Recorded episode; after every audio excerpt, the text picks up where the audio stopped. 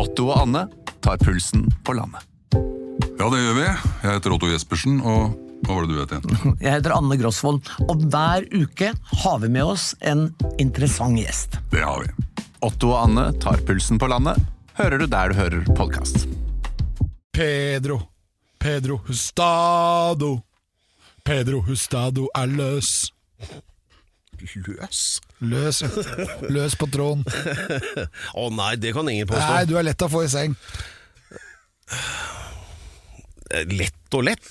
Ja, Men drit i det, da. Start programmet. Ja, det blir vanskelig nå å eh, toppe det der, men eh, det er altså rett og slett Alex Rosénshow. Ja da!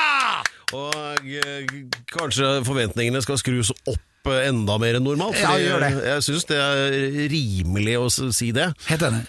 Eh, grunnen er at eh, nå skal vi grave dypt i eh, den delen av hukommelsen som er kanskje noe tåkelagt. Noe tåkelagt har 90-tallet. Ja. Uh, og det er jo nå sånn at uh, mange av de som var aktører på 90-tallet, da alt var litt sånn løsere og lettere og gladere og Og før moralen slo inn. Ja, det var ikke så mye krenking. Nei. Nei. Det var øh, mye rart som skjedde, og uh, mange vi kjenner var til stede. Uh, men alle har det til felles at de er litt, minnene er noe uklare. Ja, og I starten av 90-tallet så kunne man selge plater. På slutten av 90-tallet så var det slutt. Ja, Det er også et element som er vesentlig.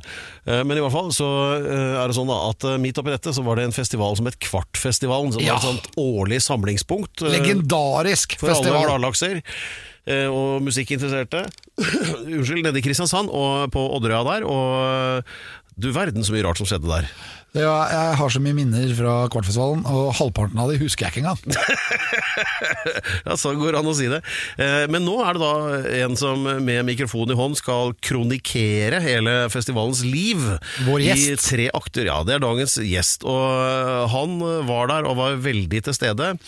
Eh, Og det er en som tidligere hadde mange flere navn, men eh, nå tilbake igjen i det opprinnelige, nemlig Espen Thoresen. Espen Thoresen, mine damer og herrer. Takk skal du ha, vær så god. Ja, han eh, het jo det en stund. Takk Ja, skal vær så god, takk skal du ha. tror jeg. Ja, så alle vet hvem det er, eh, og i hvert fall når han åpner munnen og du hører stemmen hans. Eh, Så eh, jeg vet Det er bare én ting å si. Velkommen til Kvartfestivalen spesial. ja. og Har du tenkt noe på hvor du legger lista med hva du vil avsløre og ikke, Alex? Jeg har ikke tenkt på list. Kommer jeg ikke til å gjøre heller. Det er nettopp derfor du skal følge med i denne episoden av Alex Rosénshow. Alex Rosén Show. En podkast fra Radio Rock. Ja, da tenker jeg at eh, de mer eh, hva skal vi si, svakbrystede og lettskakede bør kanskje skru volumet litt ned, for nå er det tid for sterke inntrykk. Eh, Vi skal røske opp i en del eh, 90-tallshistorier som, som man vet er gjerne både mer farvesterke og innholdsrike enn mange andre. Og i hvert fall når de målføres av de to som skal i ilden for dette nå, det er da ja, det, Alex skal jo foreta den heraldiske introen, da. Ja. Sånn som bare han kan. Vær så god. Fanfare. Dagens gjest har jeg kjent helt siden jeg hadde gjennombrudd i NRK i 1991. Og så har jeg møtt han ø, år etter år gjennom alle kvartfestivalene fra 1994. Første gangen P3 var der. Han var sjefen for XL Radio, og som ble XL TV. Og han var, har vært med i alle Han har til og med bada i bassenget mitt. Ja, ja, men det er sjef. Ja, ok. Prog- Altså, Pedro er sjef her. Så, vent, hysj, vær stille. Nå kan du fortsette. Nå ble jeg forvirra. Ja, det er så Det skal ikke så mye til. Mine damer og herrer, her er han. Han er i studio. Det er ikke Per, Pål eller Espen Askeland, men det er Espen! Espen Thoresen! Ja da! For du har to brødre som heter Per og Pål. også. Ja, ja. Var det rent ut fra Asbjørnsen og Mo at dere Nei, fikk nei, det altså, navnet? jeg er jo da eldst. Asbjørnsen og Moe er jo da Det er Espen yngst. Jeg kom jo først, men jeg tror det at moren og faren min hadde planlagt det, men de så at flaggskipet kom først, da. Ja. At det her, her kommer vinneren først. Så du er eldst? Ja, Så det var den første man ble Askeladden, liksom? ja, det er, ja her, Prinsessa og halve kongeriket. Har det vært sånn gjennom hele livet? At jeg var eldst, ja. Vi har ikke tatt deg igjen, nei. Ingen av dem har vært ute i verdensrommet og kjørt i lysets hastighet. Vi skal vi ikke bare begynne med det siste? Også, vi, vi har ikke noen spesiell retning på noe her, men uh, bare det at eh, eh, Espen driver da med en, dette var vi skjønner en radiodokumentar som skal røske opp i hvordan det egentlig var ting hang sammen uh, i ulike sammenhenger. Når det gjelder Kvartfestivalen, Kvartfestivalen. ja. Og Kvartfestivalen mine damer og herrer, er en legendarisk festival som pågikk fra 1991 til 2004. Ja, altså, det var jo noen krampetrekning i 2007 eller 2008, men altså, jeg tar for meg 1995 til 2004. Ja, det holder jo. ja. I massevis. Gullalderen. Ja, ja. Og dette var jo en legendarisk festival. Hva var det som gjorde den festivalen så fantastisk legendarisk? Ja, Det, det som jeg kom fram til, da, det er at det, altså, alle parameterne for skandale var til stede. Det var midt i bibelbeltet. Ja. Det var en eh, rock'n'roll, det var narkotika, det var eh, sex, og så ikke minst den siste dashen kongehuset. Ja. Så det, den, den miksturen der, da, altså, den, det lukter jo bråk langt ned i gata. Ja, fordi Politiet i- nede på Sørlandet var jo ikke klar over hva som skjedde. Nei, og de prøvde å være liksom, liksom herre over situasjonen ved å ta noen sånne razziaer oppe på campingplassen. Og så, de gikk det sånn stolte at man beslaglagt to gram hasj etter å ha trakassert 1500 mennesker. Og, men de bommet fullstendig. Hæ? De bom, altså Politiet bommet. Ja, bomma, bomma helt. Eh, De, de mente at dette her var en dopfestival. Og skulle vise at de var herrer over situasjonen, og kom hjem med to gram hasj. Sånn at det, det, det var rett og slett bare trakassering av unge mennesker, da, tror jeg vi kan si per i dag. At det, dette dreier seg om trakassering av unge mennesker, fordi de ville aldri gjort det samme på Titania-festivalen eller andre festivaler hvor det var såkalte voksne til stede. da. Nei. Men, nei, for altså, Kvartfestivalen var jo veldig Den var alt det du sier, Ja. eh, men det var jo også fredelig. Det var ikke mye Altså, det var ikke mye utslåtte tenner og Nei, nei, det, altså, en, det eneste som jeg kan huske var en vold der det var altså, da var pressesjefen Ja. eh, Jeg skal ikke nevne navn, jeg kan peke på han. Eh, Du pekte akkurat på deg selv! var, var involvert i en, i en, en slåsskamp med en la oss si, alternativt begavet forfatter. Men, men eh, det var jo for, Jeg ble jo angrepet, men, men, men Nei, det var jo ikke vold. Nei, var, hadde du litt vold innimellom. Ikke som jeg kan huske. For du blir jo fort Eller du kan bli sint. Nei, altså, Du har jo aldri sett meg sinna, du, Alex. Men du har aldri vært sint mot meg. Nei, nei, nei det er Jeg har sett deg sånn hvor du har vært litt forbanna. Sånn. Har du det? Ja, men bare For jeg, du har vært hyggelig med meg, så du har vært veldig sint. Og så har, har du, Du har bare endret, hørt på men du den har der endret Big Five med Harald Eia, hvor jeg innrømmer at jeg har Nei, men har Alex, ja, Vi ble kjent på eh, Roskildefestivalen året før, tror jeg. Det var i 1994. Ja, altså, Vi kjente hverandre før det også, Ja, men, men, i 1994, da var du der for første gang. ja, og da kom du i en herlig tilstand. Og elsket Roskildefestivalen. Kan jeg få lov til å si hvorfor? Ja, dette Ja, men det- jeg vet hvert- jo, ja, det- du får, Det er jeg som er sjef her. Ja, du får lov. Nei, for jeg, jeg likte jo godt Alex. Ja. Eh, og Alex hørte jo på oss på radioen, så vi Ja. visste godt om hvem vi var. Og så kom Alex i strålende humør og sa at han- jeg elsker Jeg elsker Roskildefestivalen. Her får her får du kjøpt ting du faen ikke får på apoteket hjemme engang. Og så, Jeg husker ingenting. Da sa han på riksdekkende radio. Jeg syns det var så friskt. Ja, det var jo det. Det var jo jomfruelig. Ja, det var det, altså. Ok, Pedro. Ja. Vi går videre. Nei, jeg tror vi skal eh, bare mm, stålsette oss her, fordi at eh, dette temaet Kvartfestivalen tror jeg kommer til å vare gjennom hele jævla episoden. Jeg gleder meg til neste. Ja, heng med.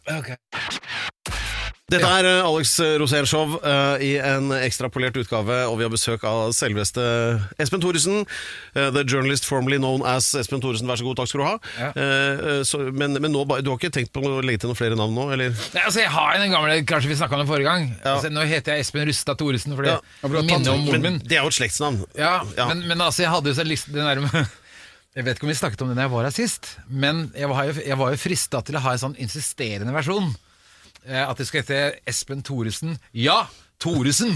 Sånn at folk skal være fullstendig klar over at nå Nå heter jeg Thoresen! Ja, det var det. Men så kom jeg på hva med å ha en benektende form, da? Da skal jeg Espen Thoresen Nei, Olsen. En sånn, en sånn Ja, ja, mann med beslutningsvegring. Ja, og så sitte på Gardermoen da, ikke gå til gaten, ikke sant? Bare rope opp gang på gang. Espen Thoresen er Olsen. Altså, kan man ikke lære seg dette navnet? Eller hva med Espen Thoresen? Nei, forresten, Olsen. Men du, vi hopper tilbake Ja, til eh, vi skal til 1994. Kvartfestivalen var det som var temaet her. Og uh, For å rekapitulere for eventuelt nye lyttere, Alex, hva slags festival var det? Eh, Kvartfestivalen var eh, det kanskje den mest legendariske festivalen i mitt liv. Ja. Ja, altså nå har jeg blitt flink på historikk, og jeg ser at du var et av de aller første banda eh, Som spilte der. spilte der. Go Go Gorilla i Ja. 1992. Vi spilte før Spiritualized inne på festningen. Ja. Og så fikk vi spilt tre sanger, og så gikk alltid mørkt. Oh, ja. For da var Ja, klokka for det er andre året, ikke sant? Andre året, ja. Men het det Musialen eller sånt da, eller het det Kvart? Nei, kvart. Det, det var første året het Kvart, da, kanskje? Det- det kan hende. For jeg tror året før så het det så Kvadraturen musia, Musicialen Ja, det kan hende. det året før var jo den aller første. Ja, og det var på torget. Ja. Ja. Men eh, 92 var jo helt legendarisk. Da var det jo ikke noe politi der, for ingen visste at de behøvde å ha politi på Nei. sånne festivaler i det hele tatt. Så, og det tok jo mange år før politiet eh, fikk forsterkninger fra Oslo. Da er vi jo oppe i 98. 97-98. Ja, ja, ja. Det helt forandrer seg. Men før det så var jo dette her en slags hippiefestival Ja. uh, for hele Oslo, og for hele Norge egentlig. Uh, og så var den litt jomfruelig, fordi at det var jo ikke regler på noe som helst. Og jeg husker jo disse nachspielene som ble flyttet ut på øyene og flyttet ut på Odder. Ja, ja. Og, det var, og det var bare helt nydelig, for at det var jo bare Du to, fikk tak i en båt, og så kom du deg ut til den øya. Ja. Og så var det bare verdens feteste fest. Og du kjente alle der. Ja, ja. Altså, jeg var jo ikke Eller vi, så P3, vi var jo ikke der før i 94, tror jeg. Det var noen fester da også. Ja. Da husker jeg festen på Kasematten. Da var det på kassematten, der hvor de kanonene sto. ja, ja, ja, ja, ja, ja, ja. ja, det var en øyfest der ute, ja. Ja, og der, og det, der var det masse kanoner. Ja. Og, det var, og da var jo fortsatt festivalen veldig jomfruelig. Mm. Det var da den første skandalen skjedde med Frying Craps. Og hvor de skjøt gjennom taket. Skjøyt gjennom taket. Var det 94? Var ikke det 95? Eller var det 95? Jeg tror det var 95. Ja, for da, da var første året mitt der 95, for jeg var der akkurat ved siden av når For vi hadde nemlig et studio på utsida av det teltet. Og vi kasta oss under bordet omtrent. Dere, Men dere hvem, hvem skøyt med hva? Flying Crap skøyt med hagle. Å ja, fra Ja, scenen? Altså, det er lokalt Kristiansandsband som egentlig faktisk er ganske bra. Ja. Men jeg lurer på om det var 94, jeg, da. Ja, nå, ja, nei, jeg er ikke helt sikker, det var ni- 94 eller 95. Men hvor de hadde sånn der greie med å sette opp noen TV-er på, på scenen, og så skjøt han dem med skarp, eh, skarpe skudd med hagle. Som man gjør, ja. Ja, men så hadde han da først liksom litt sånn, det var Siden det er festival, så han fyrt av noen skudd i taket. Også, Ja. Det var jo sånne rosetter i taket. ja. Så han Og det var jo ikke tak, for det var jo telt. Så da hadde du skutt igjennom, faktisk. Ja. Så, så, og Paul Hetland, ja. som da var nytilsatt eh, pressesjef med god nese for eh, all PR, Ja. han, han, han løp jo og henta ZTV. Paul Hetland kontakter eh, for Han vet det er kameraer i nærheten, så jeg henter et kameracrew. og så ringer han Dagsrevyen. Eh, så han, eh, og sender det til Dagsrevyen. ja. Så det er den første skandalen, da. Ja. Ja, Ja, men bra. Da, Ja. da er det i gang. ja da var det i gang. Men den gangen, jeg har jo en tato her, jeg har jo et minne her fra kortfestivalen. ja, stemmer det. Og det, er, det mener jeg er 94. Ja, for jeg husker jo det viste meg Jeg trodde den, den tatoveringen Og da var den he, at, det, at det var så gjerne moro med den hageslangen. Ja, for det er, her er det en hage, altså det er masse blomster, og så i- midt inni er det en slange som gir vann til Der ser du ha hageslangen. Alex peker på sin høyre igjen. underarm. Ja, så kommer den igjen, slangen her, og der, og så ser du alle blomstene. Og alt, jeg mener at du satt ikke langt unna meg når jeg fikk den tatoen. Jeg, bare, jeg, jeg, jeg husker at det viste til meg at jeg lo så godt, for jeg trodde at det var en boa constrictor, men så er det en hageslange. ja. Så, så, det var, ja, så jeg var nok ikke langt unna, deg. Og det er et fantastisk minne fra den eh, festivalen. Vil du høre en bra fun fact om boa constrictor, Espen? Ja. Det er det eneste dyret som har det samme navnet i dagligtale som på latin. ja, ok. Ja, nei, jeg kan et eksempel til. Nei? Volvo. Fuck it, der tok du den. Ja, ja. bra.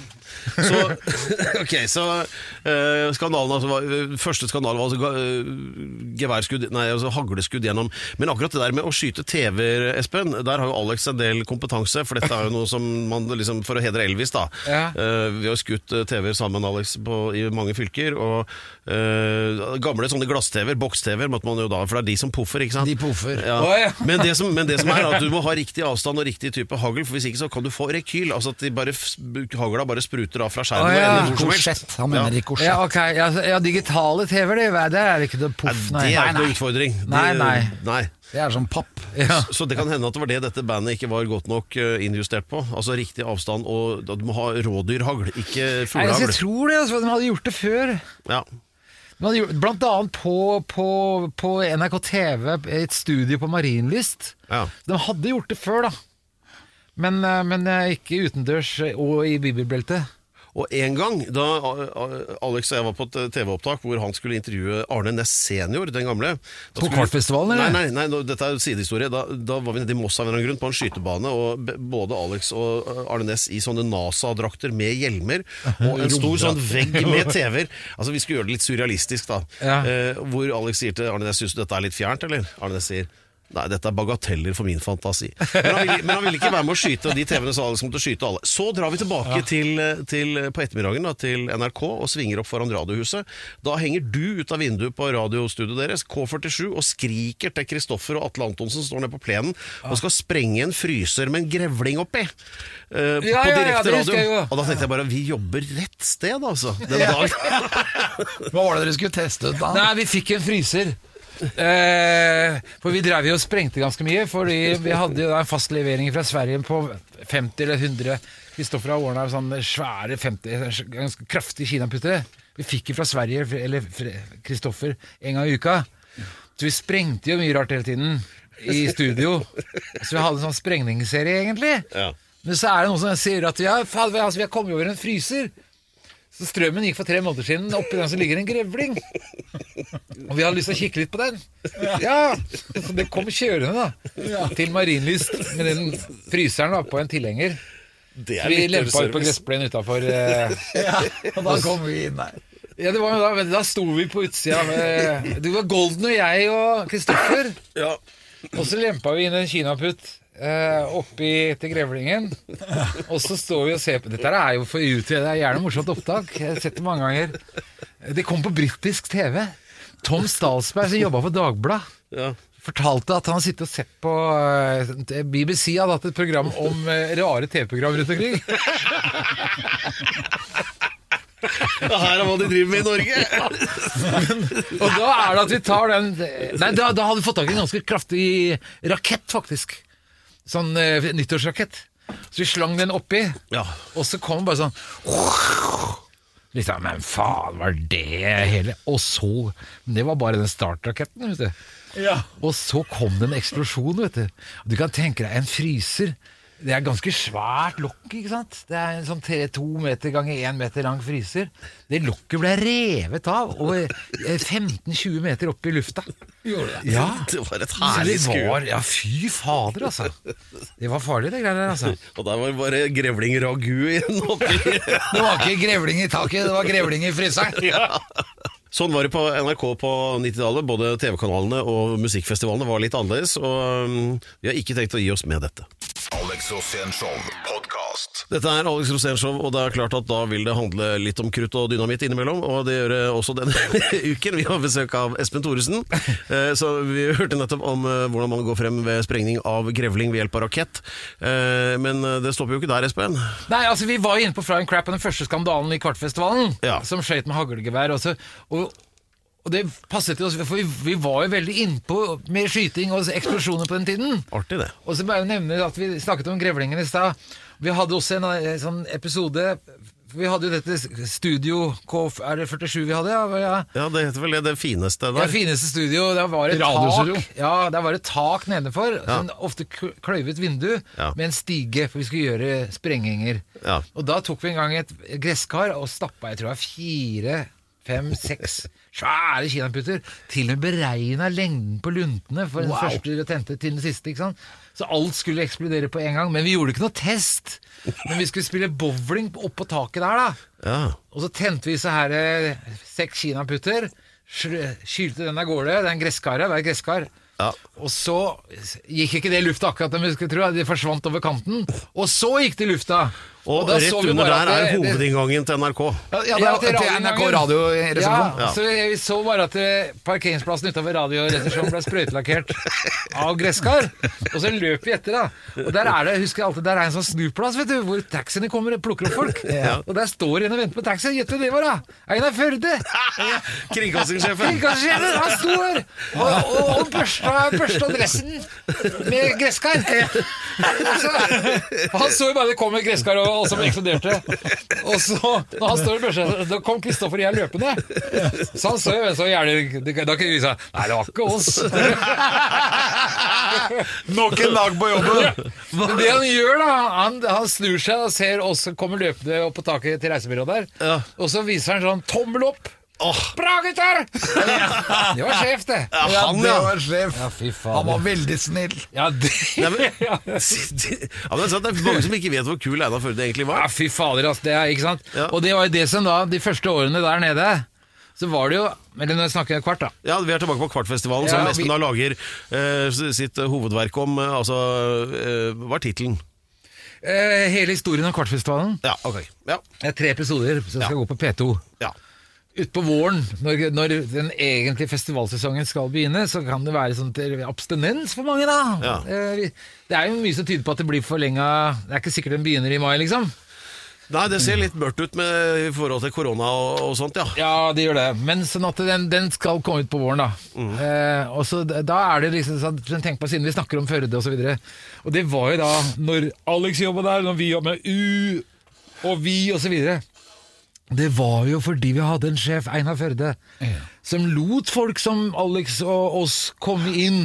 Ja, hadde det ikke vært for Einar Førde, så hadde vi ikke vi vært til. Holdt jeg på. Nei, jeg hadde vært fylliker eller noe sånt. da Hadde sikkert kjent hverandre. Ja. Vi hadde sittet på Valka oppe på Majorstua og pratet om hva vi egentlig skulle fått til. Og kanskje ringte inn til NRK og klaga på Ja, ja, vi. Vi hadde vært først i køen der. Ja, for på, siste, på slutten av årene fra den samme festivalen da var det jo Bernander som sørget jo for at Kristoffer Schou fikk sparken fra NRK. ja Bernander tulling. Ja, ja. Ja. Ja, og så, Hvem var det som sparka meg igjen? Alle, Alle de har gjort Ja. det.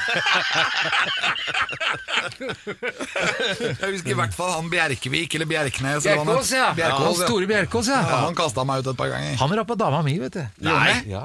Han òg? Ja. har, har du gjort det? Nei, jeg har aldri gjort det, men jeg veit om et par. Men det har jo gått begge veier, det, innimellom. Det, vi hørte et rykte her. Par. Og rappa mine damer. Ja. Hvem er det? Nei, jeg vet jo nei, men du, du har rappa andres damer? Ah, Det- nei, jeg? Ja, har ikke det skjedd? Nei, det kan jeg ikke tenke meg. Vi hørte et rykte her om at eh, en eh, ung kvinnelig journalist på den tiden, da, som nå er mer sånn eh, velkjent i mainstream-programmet 'Jakten på kjærligheten' på TV 2, Gunhild, eller Gunhild Dahlberg, ja. ja. Gunhild. Synge-Gunhild, som vi kalte henne før i tida, for hun sang surt på Excel eh, hos deg noen Ja, ja. ganger, og var sånn prodas eller noe der, tror jeg. Eh, hun hadde planer om å lage en TV-serie om eksene dine. Å ja? Men så endte hun da med 'Jakten på kjærligheten' istedenfor, som er mer, mer sånn bredt anlagt, da, kan man jo si. Jeg vet Ja. ikke hvorfor hun hadde den ideen, men eh, Nei, nei, altså det Altså, jeg, altså Hvis jeg har hatt noe bidrag til DumDums tekstunivers, så er det setningen eh, eh, Hva er det for noe? Jeg dumper dårlige damer, bra dame dumper meg. Og det er sånne ord som bare dirrer i luften, altså. Hvordan går det med kjærlighetslivet nå? Nei, nå skal vi dreie seg om Kvartfestivalen, da! Eh, eh, ja, og Når vi snakker da om Kortfestivalen, hvilke festivaler er det som står igjen som de klart Hvilket feteste? år? Ja, hvilke år? Nei, altså Det som står igjen for meg, så er det vel da 2004, hvor jeg var pressesjef, og Kristoffer Schou var assisterende pressesjef. Ja, What can possibly go wrong? ja, nei, nei, altså det, det, Vi kunne ikke se for oss Noe kunne gå galt! Og vi fikk jo masse kritikk i media på forhånd, fordi at folk mente at det, dette ansettelse var en spekulering for å få skandaler. Og det syns jeg var kjempedårlig gjort og spekulativt fra media sin side. Eh, men det tilfeldigvis Men hadde de rett? ja, altså det ble jo da dette slagsmålet og denne Fuck of Forest som på en annen side så, Hva skjedde i det slagsmålet? Du må forklare litt. Nei, altså det var en alternativ Jeg sier alternativ begavet eh, forfatter som, som jeg, jeg, gikk, gikk løs meg på under en konsert. Så jeg var i et par rettssaker. eh, Han var forbanna. Nei, altså Jeg fikk først han kastet ut fordi han hadde vært av Hadde du tatt dama hans? Nei, Nei altså, han, så han hadde vært etter meg et par-tre år Ja, og så, med å prøve å sette drittpakker. Og jeg var litt redd han. Også når han var der, så sa jeg til vaktene at han var ut. Men jeg hadde jo ikke noen grunn til å kaste han ut. Annet enn at jeg var sjef. Det holder jo det. Det var litt sånn Putin-Trump Ja, Få han ut, han gærningen der, liksom. Og så kom jeg tilbake, så var han inne igjen. Nei! Ja, faen! Ja, faen Jeg jeg skal kaste meg, jeg har ikke gjort noe gærent! Han hadde ikke gjort noe gærent, det er ikke noe dem. Og da var det at vi at vi, Det var det sånn at noen rødvin i trynet og greier, og så var det et håndgemeng, da. Ja. Hvor han blei Han fikk juling. Blei det masse slagsmål? Nei, nei, det ble en kort og konsis eh, vannutjevning mellom meg og han. Ja. Ja, Ja. Hvordan, hva, var- hva var det første knepet du gjorde da? Var det vinge? Eh, Nei, jeg husker ikke detaljene. Jeg husker bare at han sto på gulvet som en hund. Med, med hodet sitt mellom eh, leggene mine. Ja. Og at jeg sto sånn med hendene i lomma og ropte på vakten mens han, han sto på knærne. Og jeg tenkte ha, det er til pass for det. Oi. Følte du da seirens brus? Ja, ja for da, da, da hadde han stalka meg i flere år. Han var gæren. Ja, men, ble, men ble det skandale? Ja, det blei det, da. Det var jo, det var jo rettssaker. For at det, det som skjer etter denne sommeren, her da Det er jo Fuck of Forest og det slagsmålet osv. Ja, Fuck for Forest, det kjenner vi til. Det var jo denne Ja, det var da med den knallingen på scenen til inntekt for regnskogen. Ja, Ja. Uh, men det, det ble dekka i over 30 land. Jeg var jo pressesjef, så jeg hadde jo kontakt med BBC og alt. Men det var jo, det var jo aldri så mange land noensinne som hadde dekka Kvartfestivalen. Nei. Som før dette her, da. Ja. Og det som også var tragikomisk, det var jo at TV 2, Dagsrevyen og alt mulig sånt hadde sånne fordømmende intervjuer med eller med Kristoffer Schou osv. Om at ja, dem tok ikke hensyn til at det skulle være barn til stede osv. Ja. Og dette var jo en konsert som gikk av staven klokka to på dagen. Men så liksom tenkte jeg sånn Bandet heter Cumshots. Vokalisten heter Kristoffer Schau. Det er ikke noe vits å ta med deg unger inne. Ja, Men barn vet jo også hvordan man får barn. Ja, det gjør de også. Og når hun da var så moralsk fordømmende, da, så det var jo TV-selskapene som kjørte dette på beste sendetid på TV, med zoomet inn på kveldene. Det så jo at mye verre ut på TV enn det gjorde på det der live. Ja, for Vi som var publikum, det var jo nesten ikke mulig å se noe særlig. Nei, det var jo det, et det, sto- det skjedde, som var litt moro, liksom. Også. Ja, ja, Ja, Men så ble det rettssak, da. Ja, på vinteren så var det rettssaker da, både mot eh, jeg, mot kvartstyret, fordi de mente at det var planlagt. Og så var det mot meg som da At det slagsmålet med den forfatteren var Nei, nei, nei, det var to forskjellige. Det Fuck Forest det. Jeg. Så jeg var i fire rettssaker. Fire rettssaker Ja, ja, ja. etter, så det var, det Nei, var de andre var bare to. Men det er jo Men det kan jo kalles skandale, da. Men der endte Ja. jo bandet med, altså Cumshots endte jo med å få en bot, men jeg husker etter det der, vel. Og det der er jo sånn som henger ved deg, vet du.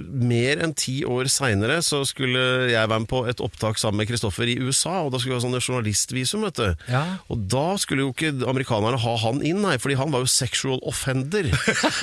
ikke sant? Altså, oh, ja. det, ja, det var jo notert ned i registeret oh, et ja. annet sted, ikke sant? At Og dette her hadde Ja, nei, Fuck for Forest hadde jo ikke sant? Og han hadde vært en av de som fikk bot for det. Riktig. Og dermed var sånn der krysset av i kategorien sånn sexual Ja, et eller annet, ja. Ikke sant? Og det vil ikke amerikanerne ha.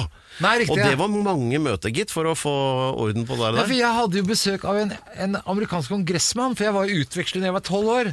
Så det viser seg at han blir jo kongressmann i USA mange år etterpå. Og så kommer han hit på et komitémøte. Ja. Og så er på besøk Nei, komiteen reiser videre til Brussel. Tom blir igjen.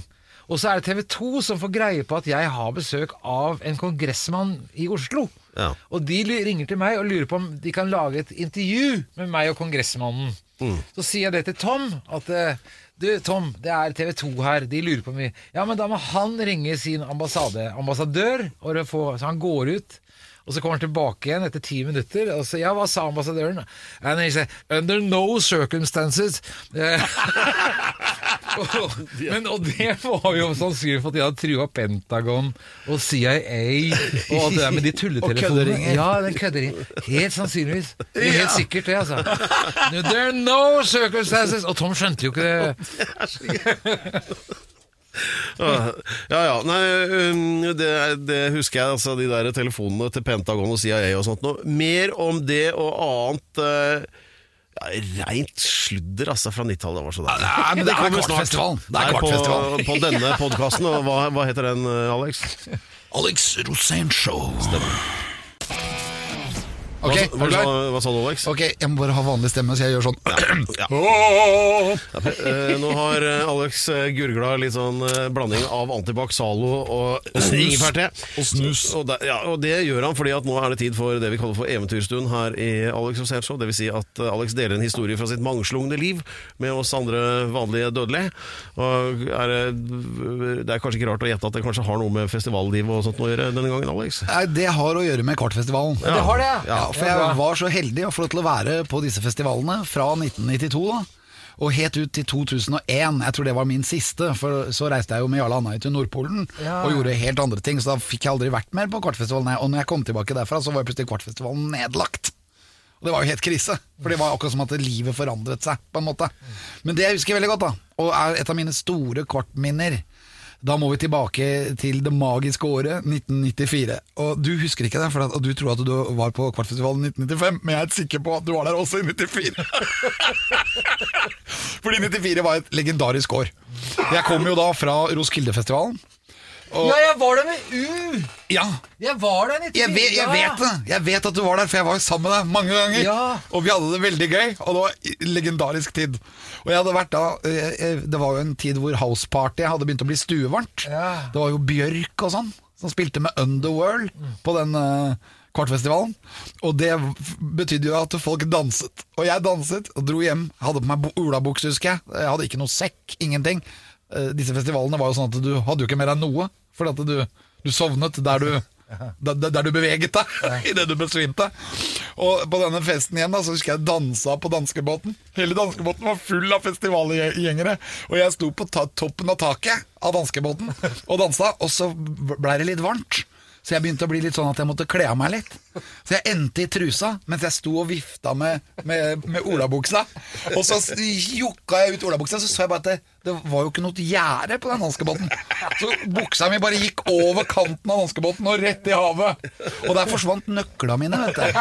Og pungen. Og alt jeg hadde. Så når jeg kom hjem, så måtte jeg bryte meg inn i huset mitt over kanten av huset. Altså, det var sånn vindu oppå, oppå døra. Så jeg klatra over der.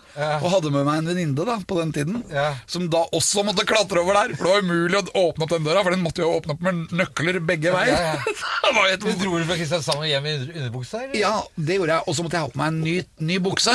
Og så bare rett ned, og, og, og toget til Kristiansand. For Kvartfestivalen var jo bare vegg i vegg med Roskildefestivalen på den tida. Ja, ja. Du hadde én dag pause, Ja, ja. og så måtte du gjøre reklame for en ny festival. Ja. Og så kom vi dit, og nå begynner egentlig historien min, da.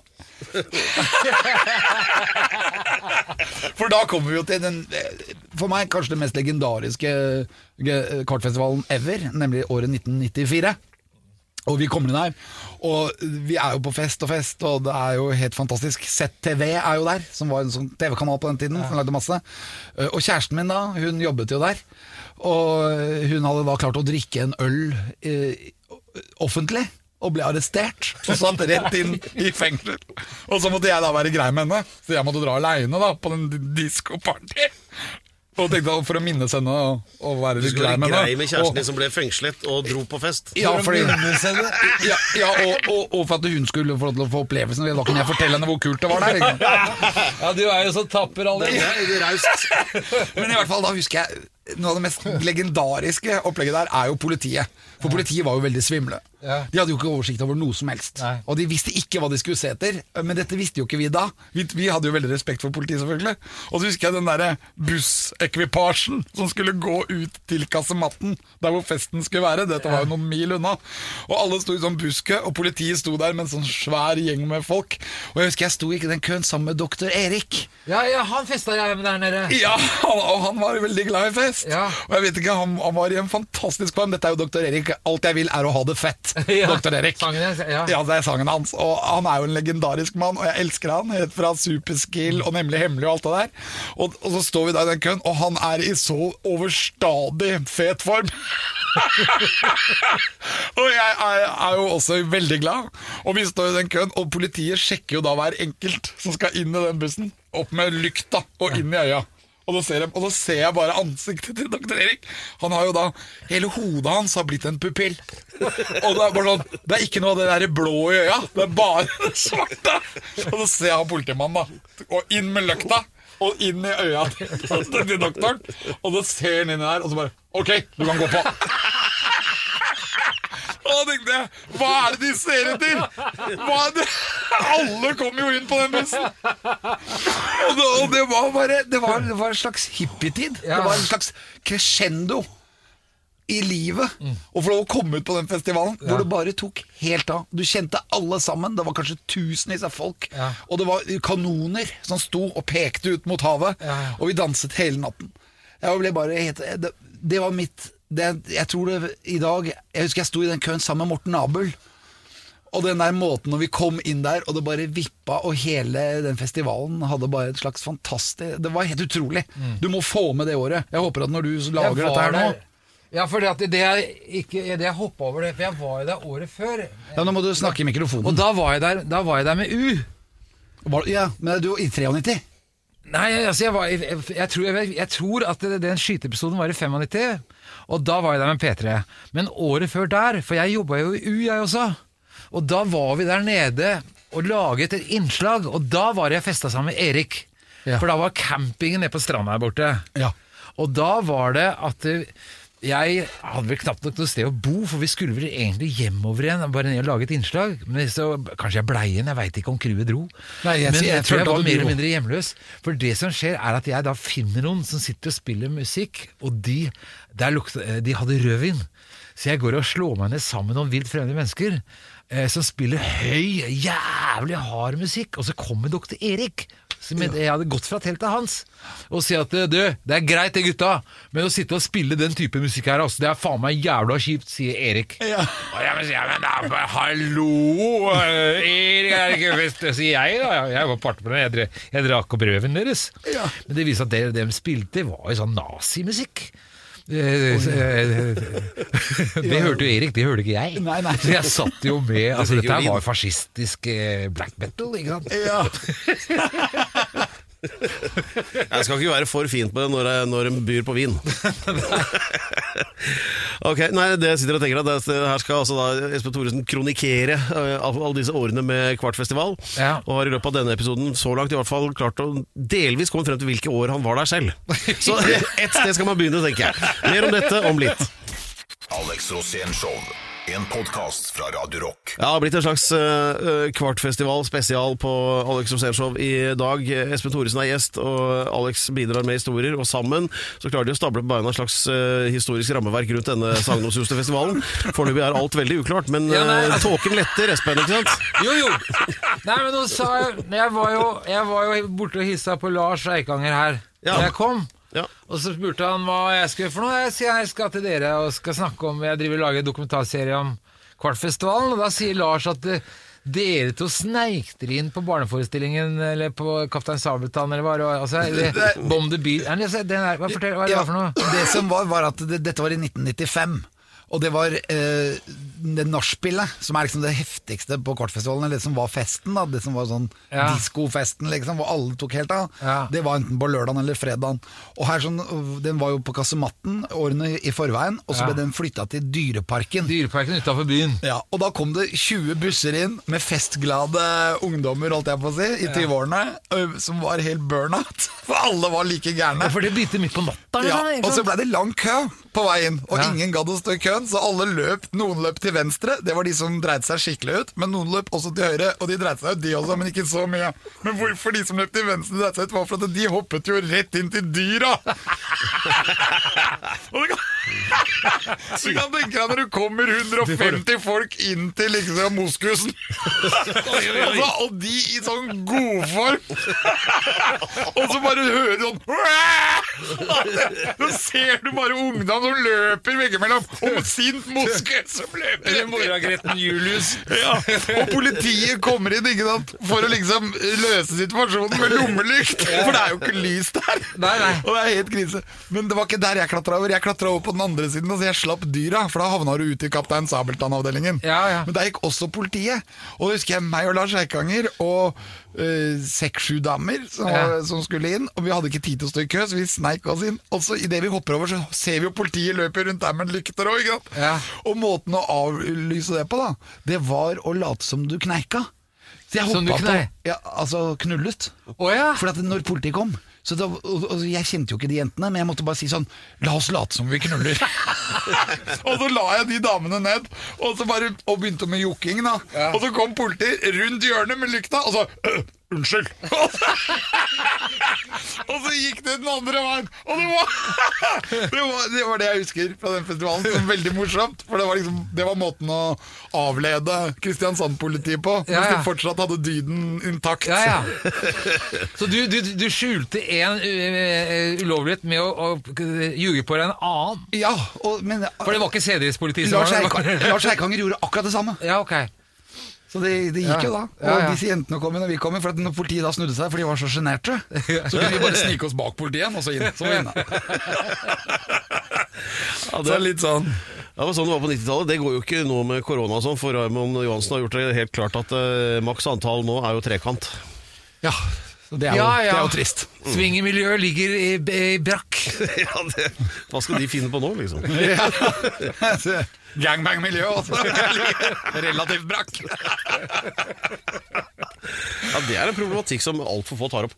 Uh, nå sier Alex at nå skal vi runde av, for at det er i ferd med å komme litt for close to home. Mener han vel med det, så da gjør vi det. Dette er Alex Rosénshow, og vi har eh, eh, besøk av tidenes mest frittalende journalist fra NRK, Espen Thoresen. Det er et mirakel. Tidenes? Espen Thoresen. Mest frittalende. Ja, ja. Eh, det, er et det kompliment. betyr at du kan si hva du vil. og har alltid gjort det, og derved også et mysterium hvordan han eh, ikke har fått sparken. eh, Eller du har kanskje det, men ikke så mange ganger som Alex. i hvert fall, Nei, i nei, du har ikke fått Du er jo der enda, Fra nå NRK? lager du Nei, nei, nei, jeg har ikke fått sparken derfra. Nei, Kommer ikke på og noe. nå lager du også Jo, jeg får spark fra ukeslutt en gang. Ja. ja, ja, det er så, sånn som skjer. Bjugn-saken. Ja, fort gjort. Det var denne jeg, uka. jeg dekka Bjugn-saken. Du gjorde det, ja. Gjorde du det, ja? Da var du ung. Ja, ja, da fikk jeg sparken. Ja. Men det, ja, det var... Men fortell. Hva skjedde? Nei, det er en lang historie. Det var ikke min skyld, det var en klippefeil. Var, var det det? Ja. Ja, Men det var ikke det at du intervjuet Men jeg, altså, jeg, jeg, jeg intervjuet bygdas sladrekjerring. Eh, Jeg ble headhunta til ukeslutt for å dra når Ulf Hammer blei frikjent. Så ble jeg headhunta uka før for at de syntes jeg var så flink i ukeslutt. Så jeg var en sånn hotshot som liksom Ei, selveste ukeslutt. Men jeg har ikke lyst til å dra til Bjugn. Jo, jeg måtte nå det, da, for det var noen sykdommer eller sånt. Da. Og så får jeg tak i bygda sladrekjerring, etter mye om og men. da. Og så da, Nå skal jeg gjøre den veldig kort, da. Og så drar jeg tilbake på Tyholt lørdags morgen og begynner å logge opptakene mine. For å få oversikt over hvordan jeg skal redigere det. Og så trykker jeg enter, og så ble jeg printa ut på Marienlyst. For jeg hadde logga meg inn på det samme systemet. ikke sant? Ja. Og plutselig løper rundt på Tyholt og prøver å få noe til å få tak i den der printen på Marienlyst en lørdags på våren. Det tok lang tid. Altså, en på viset er at det blir ikke klippet vekk et navn, og det er navnet på det fuckings ekteparet som starta hele dritten. Og i ettertidens lys så vet du at de folka der var ikke helt gode. Nei. De ødela en hel bygd. Ulf Hammeren ble frikjent. Det hadde ikke blitt voldtatt 80 unger. Nei. Det var det ekteparet der som eh, de navnene der kom Som startet wow. Startet ryktet. Eller, Ja, så jeg havna på forsida av både Dagbladet VG. og... Og så fikk du sparken. Da fikk jeg sparken fra ukeslutt. Men det var så smart at jeg ringte til Charlo Halvorsen på kvelden og sa at det er mulig det står noe om meg i avisa. Han var da P3-sjef. Eh, Så Tormod Kjensjord, som var kanalsjefen i P3, ringte meg på morgenen og sa ba meg lese Dagbladet VG bakfra. Skjønte ikke helt hva han mente, for jeg så Dagbladet VG. Oi, oi, oi. ja, oi, oi. Men ja, hva var spørsmålet? Nei, det har jeg glemt nå, men uh, Charlo Halvorsen han er god å ha, altså. Det Ja, da, han redda, han og Tormod Kjensjord redda skinnet mitt den gangen. Ja. Ja, Så det, men Han har reddet manges skinn. Det kan tenkes. Vi kan i hvert fall fastslå at du fremdeles uh, har et ansettelsesnummer på NRK. For på uh, et eller annet tidspunkt så blir det jo da på NRK P2 lansert din tre episodes eh, krønike om Kvartfestivalen, da. Ja, Når altså- er det tenkt at det skal sendes, forresten? Nei, altså Kjetil Saugestad, som er sjefen her oppe, han sier at han har lyst til å sette det på til våren, når eh, festivalene ikke blir arrangert igjen. Da. Det, altså, vi blir jo friske en dag, men det er ikke sikkert det skjer til våren. Nei. Og så har da Kjetil lyst til å sette det på når abstinensen begynner å rive. Ja, skjønner. I mai-juni. Ja, Så det du holder på med nå, er jo egentlig eh, En ting er at du er gjest her, og det er jo alltid hyggelig, Espen, men du gjør også litt research nå, forstår jeg, til eh, eget program. Ja, ja, jeg er jo her fordi at jeg skulle intervjue Alex, men så svarte han på tiltalen med at han skulle intervjue meg, så dette Ja. er en sånn ja. vinn-vinn-situasjon. Meta heter det. Ja. Sånn at eh, jeg blir med i programmet deres, dere blir med i programmet mitt. Sånn at jeg lager da tre, tre halvtimer omtrent om Kvartfestivalen. og Den skal hete Begynnelsen, den skal hete Suksessen og Fallet.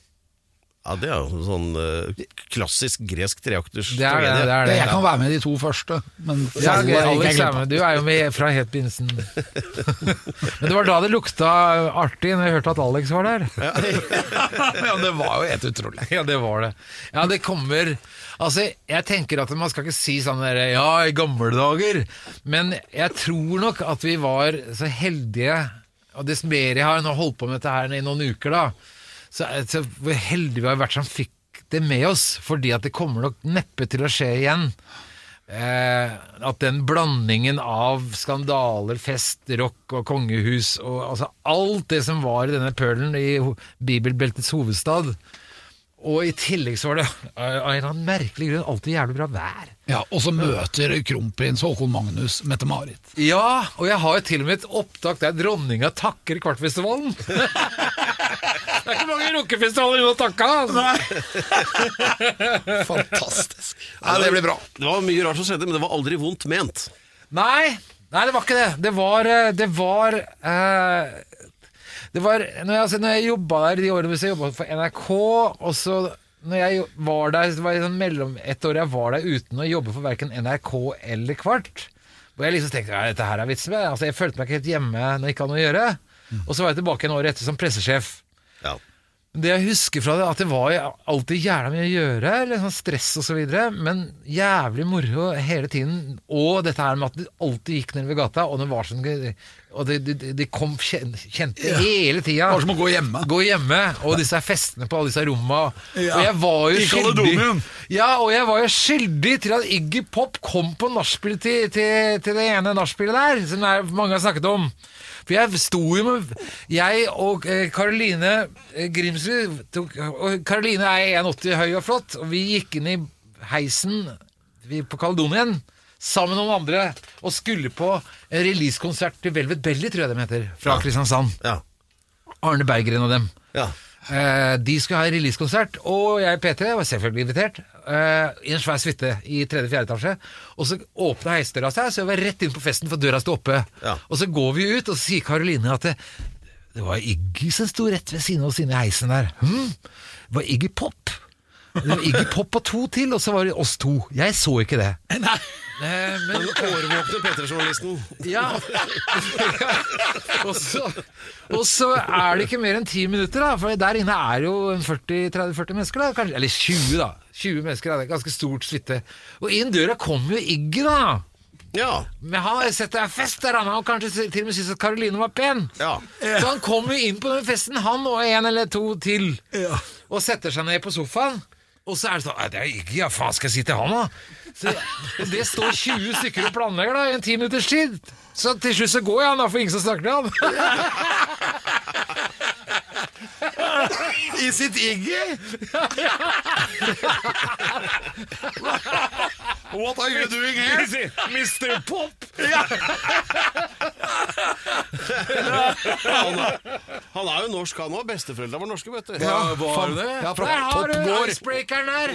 Vi er fra Popgård i Tr Trøndelag. Ja, men altså Jeg kom til for at jeg hadde ikke lyst til bare å gå Great Concert ikke, Jeg hadde ikke engang sett den konserten den dagen. ikke sant? Nei. Men så jeg hadde ikke Men så tenkte jeg akkurat når jeg kom på icebreakeren at det var det, Du har en hobby? Det var det jeg tenkte å spørre om. Han har en hobby. Da gikk han. Do you have hobbies?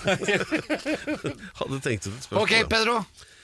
Ja, nei, Jeg er så mettet med inntrykk jeg nå at uh... Veldig bra, det ser vi. Du ser helt mett ut. Ja. vi takker researchavdelingen, eh, Lansnes, Mette for fantastisk research. Vi takker også Remi, som sitter bak spakene og holder kontroll. Og vår eminente programleder Pedro Gianfrotto Loca de la Ustados fra Mellom-Amerika. Og ikke minst vår eminente gjest, Ja, Espen Thoresen! Ja da! Jeg klapper sjøl nå, da. Dette var Alex Rosénshow, og vi ses om en uke. All right, everybody, come on, right now! Alex Rosén Show på Radio Rock. Ny episode hver fredag der du finner dine podkaster. Radio Rock.